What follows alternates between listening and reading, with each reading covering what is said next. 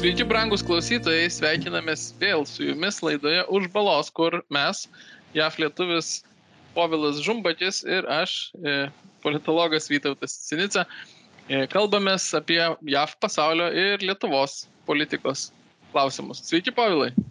Sveiks, Vytautai, turiu sveikyti pavasariu ir sveikyti tavo politiniais laimėjimais, nors aš nesu politijos partijos narys, sveikinu laimėjimu ir nežinau, ar sveikit, ar reikšti užuojautą, kad iš politologo tapai politiku.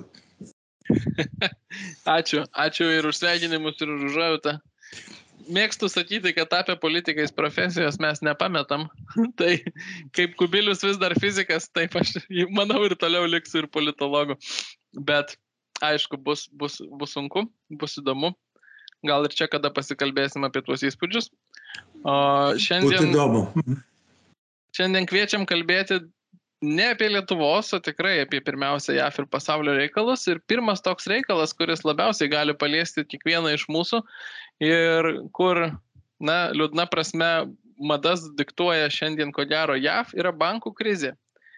E, ir jūs, povilai, nuspręsit, kaip plačiai pasižiūrėti šitą klausimą, nes klausimo dalis yra dvi. Viena yra tai, kad pradėjo bankrutuoti bankai JAF ir pradėjo, kaip suprantu, JAV federalinis rezervas gelbėti tuos bankus. E, platesnė tema yra tai, kad kilo, kyla ir turbūt toliau kils palūkanos, e, kovojant su infiliacija. Ar šitie klausimai tarpusavį susiję? Jeigu taip, tai gal verta paliesti ir antrą, jeigu ne, tai tada tiesiog kodėl, kodėl pradėjo žlugti bankai Amerikoje ir kaip tai palies mus visus.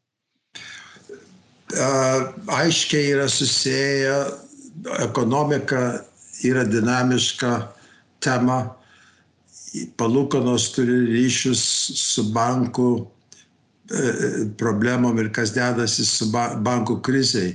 Tarp kitko, tie bankai Amerikoje, du bankai, vienas Kalifornijoje, kitas uh, New York'e, Silicon bankas Kalifornijoje, Signature bankas New York'e, nebankrutavo.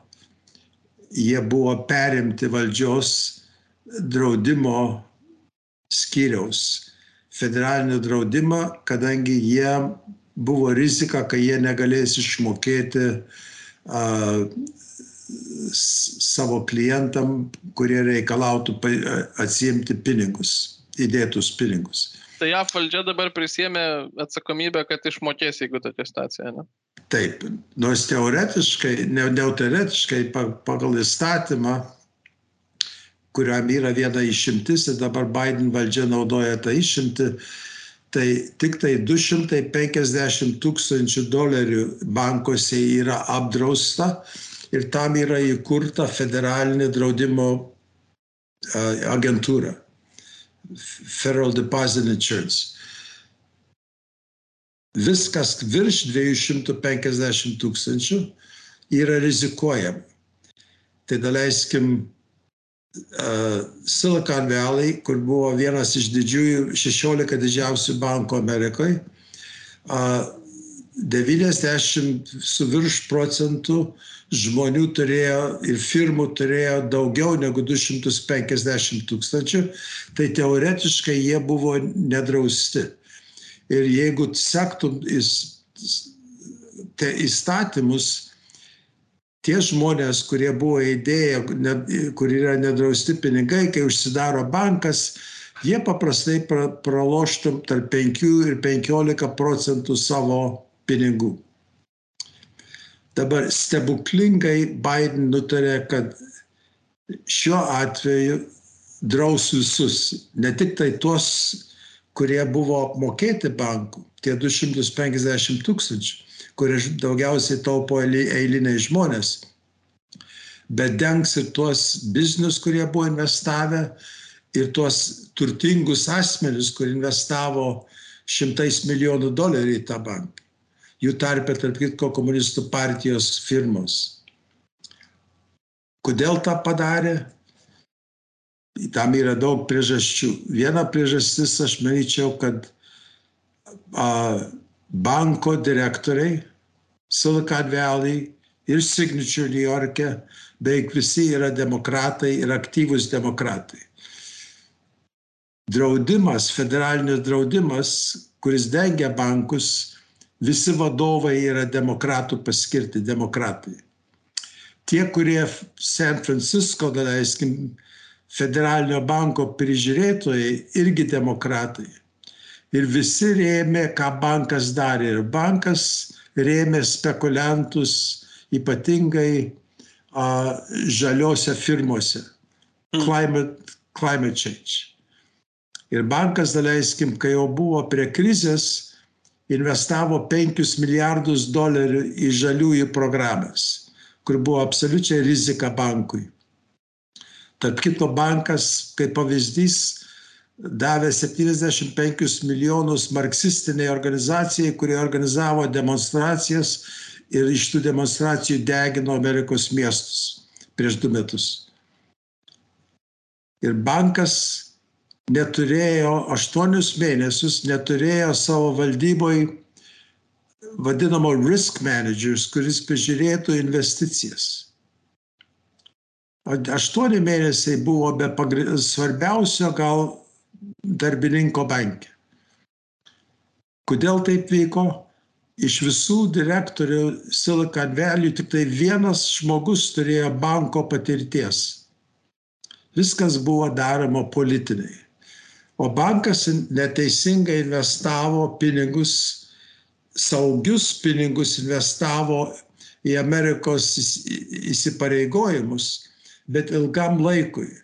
Ir kai buvo maži mokesčiai - 3 procentai, 4 procentai, 2 procentai, ir jie skolino 15, 20, 30 metų į priekį. Kai pradėjo kilti dabar palūkanos, tai tie, nu, tie įsiskolinimai, jų, jų kaina krito. Tiek, kiek procentai kyla, tiek krenta kaina. Ir todėl jie, jeigu norėjo parduoti, jos turėjo nuostolis. Ir tas privertė prie tos kritiko, kritiškos padėties kokia jūsų prognozė? Ar, ar čia kils griūtis, ar JAF mastu, ar persimestų į Europą? E, kitaip sakant, paralelė su 2008 metais pagristos ar ne? Išskyrus tai, kad banko vadovas tas pats kaip ir Goldman Sachs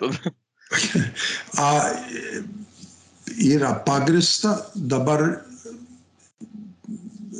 logiškai galvoja, kad yra maždaug 200 bankų,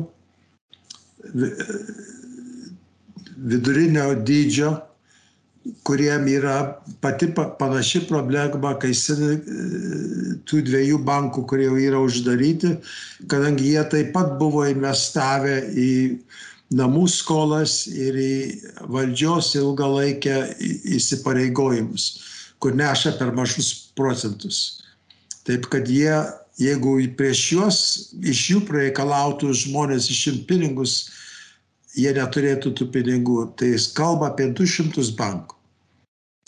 Čia labai reikėtų eiti daug į detalės. Buvo toksai dar Frank uh, įstatymas po 8 metų krizės, kur labai suvaržė bankų veiklą ir tik tai didieji bankai gali išsi, išsilaikyti pagal tuos įstatymus ir didžiuosius bankus, keturis didžiuosius bankus Amerikoje, Amerika garantuoja, kad jie negali bankrutuoti. Bet Amerikoje yra rimta bankų dabar panika ir krizė. Aš manau, kad vienai per kitaip bus išspręsta, bet yra didelė krizė. Europoje jau yra pavyzdys Šveicarijoje, kur yra paprastai rimčiausias bankų sistemą, konservatoriai Credit Suisse, kur yra antras didžiausias bankas Šveicarijoje, turėjo būti turėjo panašią problemą, kai Amerikos bankai ir šį savaitgalį Šveicarijos valdžia privertė didžiausią banką perimti mažesnį tą banką antrą didžiąją, nu, nupirkti. Ir tas Taip. buvo padaryta be pasisakymo nei vieno, nei kito banko savininkų, tai yra žmonių, kurie investavo į tos bankus. ir tokiu būdu suvienijo du didžiausius bankus ir juos remia šveicarų valdžia, taip kad šveicarų bankai labai greitai tą išsprendė. Biden, tarp kitko, nesutiko, kad didėjai bankai išpirktų tos bankus, kur buvo problema. Kadangi Biden demokratų partija yra prieš didelius bankus, tai nenorėjo, kad bankai didėtų, paimdami mažesnius bankus. Hmm. Nu, kas šiaip yra protingas tikslas neleisti, kad bankų sektorius virstų oligopoliją, bet čia problema gali būti maža, mažoj šaly, mažoj rinkoje. Ar JAV galėtų būti rizika, kad liks trys bankai, kurie nebekonkuruoja realiai? Nerealu juk.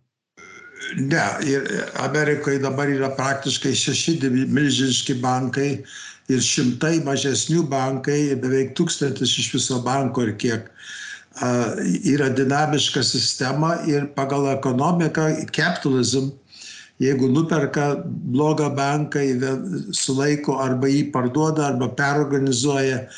Taip, kad Amerikoje mes nebijom, kad bankai būtų per dideli kadangi tas Amerikos ekonomika yra tokia didelė. Ir reikia atsiminti, kad, kaip minėjau, tos investicijos, kur buvo investuota į namų skolas ir į, į tas valdžios įsispareigojimus, nukrito vertė maždaug 3 trilijonus dolerių per dvi savaitės. Antiek yra rimtas reikalas Amerikoje. Mhm. Aš norėčiau trumpai dar pakomentuoti apie tą nupirktą Šveicarijos banką. Labai įdomi retorika buvo. Ten įvyko dėrybos, pakėlė kainą per savaitgalį nuo pradinės milijardo kainos iki 3,2 milijardų, bet to didžiausio jo banko, UBS banko pirmininkas sakė, kad čia yra mūsų akcininkam patrauklus sprendimas ir komercinis sprendimas, oi atsiprašau, ne komercinis, o skubus banko gelbėjimas. Mums apsimokėjo, bet tai buvo gelbėjimas. Tuo tarpu Šveicarijos finansų ministrė lygiai priešingai sako, čia yra joks negelbėjimas, čia yra komercinis sprendimas. Mes žinome, ekonomikoje lūkesčiai yra, nu kaip, labai greit materializuojasi. Ir, ir suvaldyti baimės yra čia turbūt pats svarbiausias dalykas, kurį politikai turi padaryti. Ir neleisti į tai žiūrėti kaip į, kaip į krizę, kurią dabar skubiai bando spręsti. Bet faktas, kad visi, kas domisi, tai žiūri tai kaip į krizę ir tikrai nepatikės, kad čia tiesiog patrauklus komercinis sprendimas, cituojant. Amerikoje yra e, pagal įstatymą tie didėjai bankai ir sako too big to fail. Yra per dideli, kad galėtų bankru, užsidaryti arba bankrutuoti. O viena komentatorė Amerikoje, ekonomistė pasakė, sako, o Šveicarija yra too Swiss to fail. Neblogai. Jeigu norėsit dar ką išsiplėsti apie bankus, tai prašau, o jeigu ne, e, aš norėčiau pereiti prie mūsų tokių labiau tiesiogiai užsienio politikos temų ir šitos temos šį kartą labai keistos ir skandalingos. Buvęs JAV prezidentas Donaldas Trumpas sulaukė oficialiai pareikštų kaltinimų e, ir jam, na, kaip bent teoriškai, galbūt grėsia sulaikimas New Yorko valstijoje, ar teisingai, gal galit pakomentuoti plačiau, kas čia per situacija ir kas per kaltinimai? Oficialiai dar nebuvo kaltinimas, bet yra prezidentas Trump sužinojo, kad rytoj antradienį mes kalbam kovo 20, kad 21 bus įteiktas formalus kaltinimas ir praktiškai kaltinimas yra už, biuro, už buhalterinės klaidas, kuris vietinis New Yorko prokuroras, demokratas, kuris labai įniršęs prieš Trump, bando iškelti bylą dėl dalykų, kuri buvo tirti jau daug metų prieš įvykius, kurį vyko prieš septynius metus. Ir galimybė laimėti tokią kriminalinę bylą yra labai maža arba visai nėra. Ir čia grinai aiškiai daroma politika. Yra politinis ėjimas vienai par kitaip sustabdyti prezidentą, buvusi prezidentą, kai, kadangi jis kandidatuoja vėl į prezidentus. Tarp kitko panašiai dar yra kita byla ruošiama kitoj valstijoje, Georgia. Ir dar yra federalinis tyrimas, ar neištraukti federalinę bylą dėl sausio 6 dienos uh, demonstracijų, kai buvo užimtas Amerikos kongresas laikinai demonstratorių. Vienu žodžiu, demokratų partija dabar yra perimusi prokuratūras ir naudoja prokuratūras politiniams tikslams. Labai aiškiai. Ar gali turėti pasiekmių formalių Trumpo kandidatavimui pradėti tyrimai? Tarkim, tyrimai yra pradėti, prasideda kampanija, ar tai kaip nors jį riboja, jo kaip kaltinamojo statusas? Riboja iš to taško, kad įsivaizduok, reiškia, jį apkaltina, jį, kai apkaltinimas yra formalus, jį suaraštuoja. Tai va yra prezidentas, buvęs prezidentas, kandidatas susirakintom rankom. O čia yra realu už finansinį nusikaltimą, kad pasodintų iki teismo ir neleistų išeiti už užstatą? Jo, kadangi naudo, jis naudoja vienai per kitaip, bando padaryti tą kaip po kriminalinį nusikaltimą. Jeigu yra kriminalinis nusikaltimas, tai jį suraštuoja, tai kaip suraštuoja banko plėšiką. Tarp kitko, tas prokuroras buvo išrinktas dėka Soros pinigų ir jokiais būdais nepersekioja kriminalų savo rajone. Jis praktiškai paleidžia visus kriminalus, vis, rimtus nusikaltėlius. Bet jis surado tą formulę, kuris bando prikipti prie Trump. Vienas dalykas, jis pasidarys žymus prokuroras, kitas dalykas, kandidatui, prieš kurį, kuriam grėsia kalėjimas, kadangi kriminalinis nusikaltimas, jeigu praranda bylą, gali nuteisti į kalėjimą. Žinoma, jis iš kalėjimo irgi galėtų teoretiškai kandidatuoti, bet praktiškai čia būtų, žinai, didžiausias skandalas. Galėtų būti didžiausias rinkiminis realiai kada nors surinktas kalėjime. Jo, tarp kitko, yra daug demokratų, ypač Čikagoje, Ilinoje ir kitose demokratų valsty, miestuose, kur sėdi kalėjimuose ir kal, kandidatuoja ir laimi. Ka, iš kalėjimo. Labai makabriškai pajokausiu, berods 20 metais socialdemokratų sąrašė į Seimą praėjo žmogus, kuris gulėjo komo ir, ir, ir pateko ir galiausiai numirė. Na, Tai jis čia... Amerikoje galėtų būti demokratų kandidatas, kadangi panašiai guli vienas dabar ligoniniai senatorius, kurį išrinko prieš porą mėnesių. Atsiprašom jautresnių klausytojų už savo juodus juokelius. E, visai ne juodas ir visai ne juokelis, bet mane labai nustebinusi naujiena. E, Putinui Hagos tarptautinis baudžiamasis teismas, jeigu teisingai vadinu, e, pareiškė kaltinimus ir išdavė arešto orderį už konkrečiai tą nusikaltimą, jog vykdė masinius e, vaikų nepilnamečių trėmimus. E, ir tai, na, nežinau, Lietuvoje tikrai daug ką nustebino, mane nustebino, aš žiūrėjau šitą instituciją kaip į tokią, na, pabarančią ir pagrumuojančią, bet labai retai ko nors besimančią. E, o čia konkretus veiksmas, aišku, tai nereiškia, kad pavyks realizuoti. Aišku, Rusija nėra sutarties šalis ir gali sakyti ir sako, kad jiems negalioja ir jie nesilaikys. Na, bet dabar kaip minimum turbūt Putino kelionės po įvairias šalis, kur jis galėtų būti sulaikomas pagal šitą arešto orderį, apsiriboja. Kaip Jūs vertinat šitą, kokios to galimos pasiekmes ir galbūt, jeigu žinot, na, kiek tai yra reta ir ekstraordinaru toks vat, oficialus kaltinimas?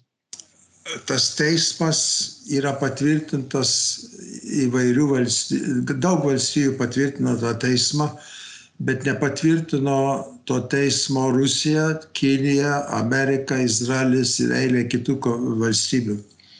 Ir nepatvirtino labai dėl rimtų priežasčių, kadangi valstybė turi atiduoti savo suverenitetą teismui, kuris yra nerinktas, neskirtas ir valdžia neturi jokių būdų tą teismą kontroliuoti. Tas teismas yra virš politikos. Ir tie teisėjai, tarp kitko, prieš eilę metų norėjo patraukti prezidentą Bush į, į, į atsakomybę už Afganistaną ir, ir Amerikos generolus ir kareivius. Taip, kad Amerika griežtai pasisakė tada prieš tą teismą, kaip dabar pasisako Rusija.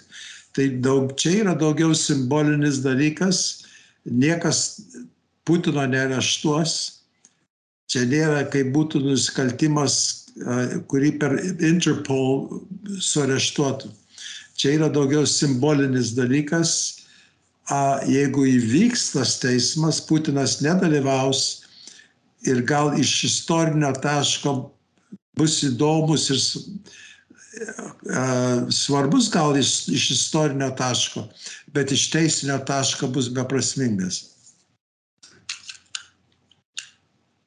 Bet kad Putinas yra kaltas, tai čia jokio klausimo nėra ir aš manau, kad kiekviena valstybė, su kuria Putinas yra vienai par kitaip susidūręs, daiskim, Ukraina gali iškelti jam kriminalinę bylą, kiti kraštai, kuris bandė užimti, gali iškelti bylas ir tos bylos būtų kriminalinės bylos, pagal kurias galėtų Interpol areštuoti, kai jis keliauja. Tikrai geras skirtis. E, ir kaip tik Putinas keliauja ir susitinka su Či, su Kinijos e, komunistų partijos vadovu ir prezidentu. E, ko čia tikėtis? Kinija bando save pateikti kaip taikos nešėja ir galinčią su, suderinti interesus ir pasiekti kažkokios taikos tarp Rusijos ir Ukrainos. E, ar jums tai atrodo visiškai tuščia retorika, ar čia jie gali kokį nors vaidmenį suvaidinti, kokie jų būtent tikslai yra ir šito susitikimo ir platesnėme kontekste? Aišku, mes tikrai nežinom jų tikslų, tik tai galim spėti iš šalies žiūrint. Tarp kitko, Putinas tik tai keliavo į užimtą Ukrainų miestą, į ir į Krymų salą. Ir tai naktį ir labai trumpai, tik pasirodyt, kai jis drįsta ten nuvažiuoti. Bet atvažiuoja čia iš Kinijos trim dienom į Maskvą pas Putiną. Putinas žiūri ir parašė straipsnį Kinijos spaudoj, žiūri į čia kaip geriausią ir rimčiausią partnerį ir partneriai visais atvejais - diplomatiniai, ekonominiai, e, kariniai ir panašiai. Bet Putinas žiūri iš savo padėties, dabar kritiškos padėties Ukrainoje, kur praktiškai jis pralaimi karą. Jam trūksta amunicijos, trūksta kareivių, trūksta visko. Ir jo ekonomika yra ant plauko, nors oficialiai dar atrodo gerai, bet praktiškai yra labai kritiškai padėti tai jam reikia labai reikia Kinijos pagalbos. Bet jis žiūri iš šios dienos, šio mėnesio, sekančio mėnesio. O kiniečiai galvoja šimtą metų į priekį. Tai nors praktiškai jie kalba kaip partneriai, čia atvažiuoja kaip Rusijos savininkas. Jis mato Sibirą ir, ir Rusiją kaip dalį Kinijos jis laižosi žiūrėdamas į turtus, kur yra Sibirė. Ir žinoma, jau yra tarp Rusijos ir Kinijos buvę nemažai, daug kartų net karinės susi, uh, uh, mūšiai, maži mūšiai, bet buvo įtampa. Ir dabar dar yra įtampa. Bet aš manau, kad šį visai kitaip žiūri į tą. O šį bando prisistatyti ne tik tai Rusijoje kaip taikos princas, bet jis dabar rodo savo jėgą visam pasauliu. Žiūrėk, praeitą savaitę jis suvedė Saudiją Arabiją su Iranu. Ir jie pagaliau atstatė diplomatinius ryšius po septynių metų. Ta, ką Amerika negalėjo padaryti, kur Amerika turėjo didelį įtaką su Saudija Arabija, dabar įtaką Saudija Arabijoje daugiausiai turi Kinija ir Rusija. Dėl to, kad Biden po pasitraukimo iš Afganistano, kurį apleido ir žiauriai tenais pasielgė, apleisdamas, pas, pasirodo, koks yra silpnas. Net kai nušovė Amerikos uh, drone juodai jūroje prieš savaitę Putinas, Bidenas nieko nedarė, tik tai pakvietė uh, Amerik Rusijos ambasadą pasiaiškinti ir tai žemo lygio pasiaiškinimas. O, o čia Kinija veikia Afrikoje, Pietų Amerikoje, pačioje Amerikoje superka visokią žemės ir turtą. Honduras šią savaitę pasisakė, spaudžiami Kinijos, atsisakė ryšių su Taivanu. Taip, kad šį žiūri visą pasaulį, kadangi kaip jo sferą, o Putinas žiūri kaip po partnerį. Ir aš manau, kad šį aiškiai laimės su Putinu. Jis nėra jo geras draugas. Patikslinkit, laimės su Putinu, tai reiškia, na, laimės jų tarpusavio santykiuose, išloš daugiau naudos? Taip, ką, ką šį norės, tą Putinas turės nusileisti. Putinas dabar parduoda kiek tik tai nori, pigi, labai pigiai visą naftą, kur anksčiau parduodavo Europai. O ką Rusija už tą gauna?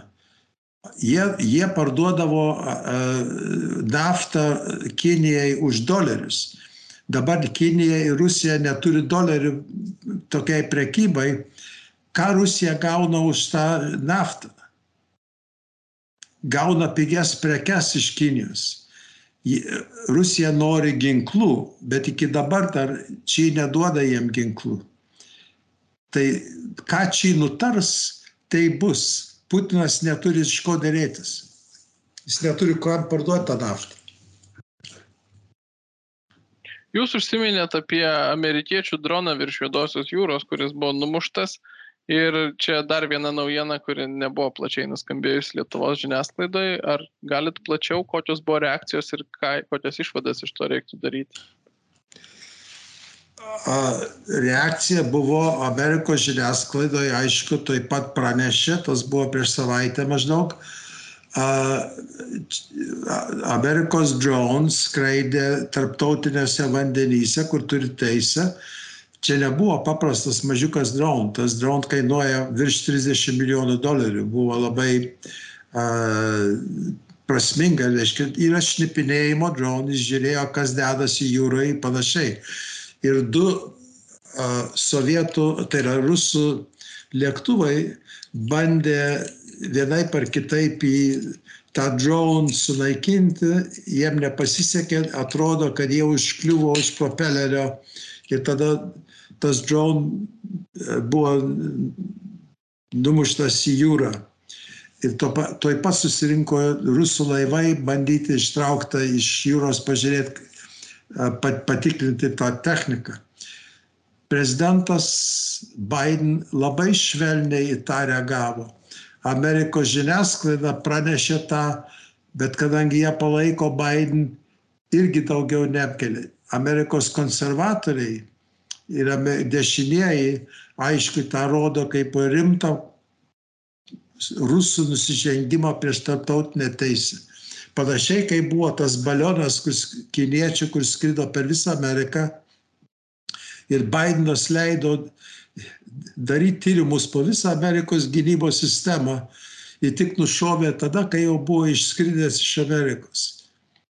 Ir tada kinai dar protestavo, kad nušovė jų šnipų balioną. Taip, nuo Afganistano iki baliono, iki nušovimo to drone, Biden pasirodo visai silpnas ir bejėgis. Ir aišku, tas vakarams yra labai pavojinga. Turiu sutikti su šituo vertinimu, kuris kartojasi mūsų laidose be abejonės, bet kartojasi todėl, kad mes iš tiesų taip manom ir nes tai yra tiesa. Bidenas yra silpnas ir linkęs atsitraukti tarptautinėje politikoje, tas matėsi, kai jis buvo prezidento Obamos komandoje, kai jie braižė raudonas linijas dėl Krymo ir tas matosi dabar. E, jeigu norit užbaigti kokią nors natą apibendrinančią, tai žodis jums, jeigu ne, tarsiu sudie mūsų klausytėjams. Labai norėčiau pridurti labai trumpą momentą, kur tikriausiai jūsų žiniasklaida ne, ne, nepraneša. Tai paskutinė prieš savaitę dabar Amerikos kongresas, kur vadovauja respublikonai, pareikalavo banko, vieno iš 12 bankų, informaciją apie pinigus, kurie atėjo iš Kinijos Biden šeimai. Tai iš vieno banko dabar atėjo milijonas dolerių buvo perėjo Biden šeimai be jokio paaiškinimo, už ką tie pinigai atėjo. Kodėl tas yra svarbu? Niekas nežino, kiek pinigų iš Kinijos gavo Biden šeima. Spėjama, kad yra virš 30 milijonų. Ir tas gali parodyti, kodėl Bidenas yra taip lengvai va, nusileidžia Kinijai ir, ir net Putinui. Bet apie tai galėsim pakalbėti kitą kartą. tą ir pasižadam padaryti. Ačiū Jums, Povilai, už mums skirtą laiką ir žinias. Ačiū visiems, kas mūsų klausotės. Tariam sudė iki kitų kartų. Iki. Su Dievu.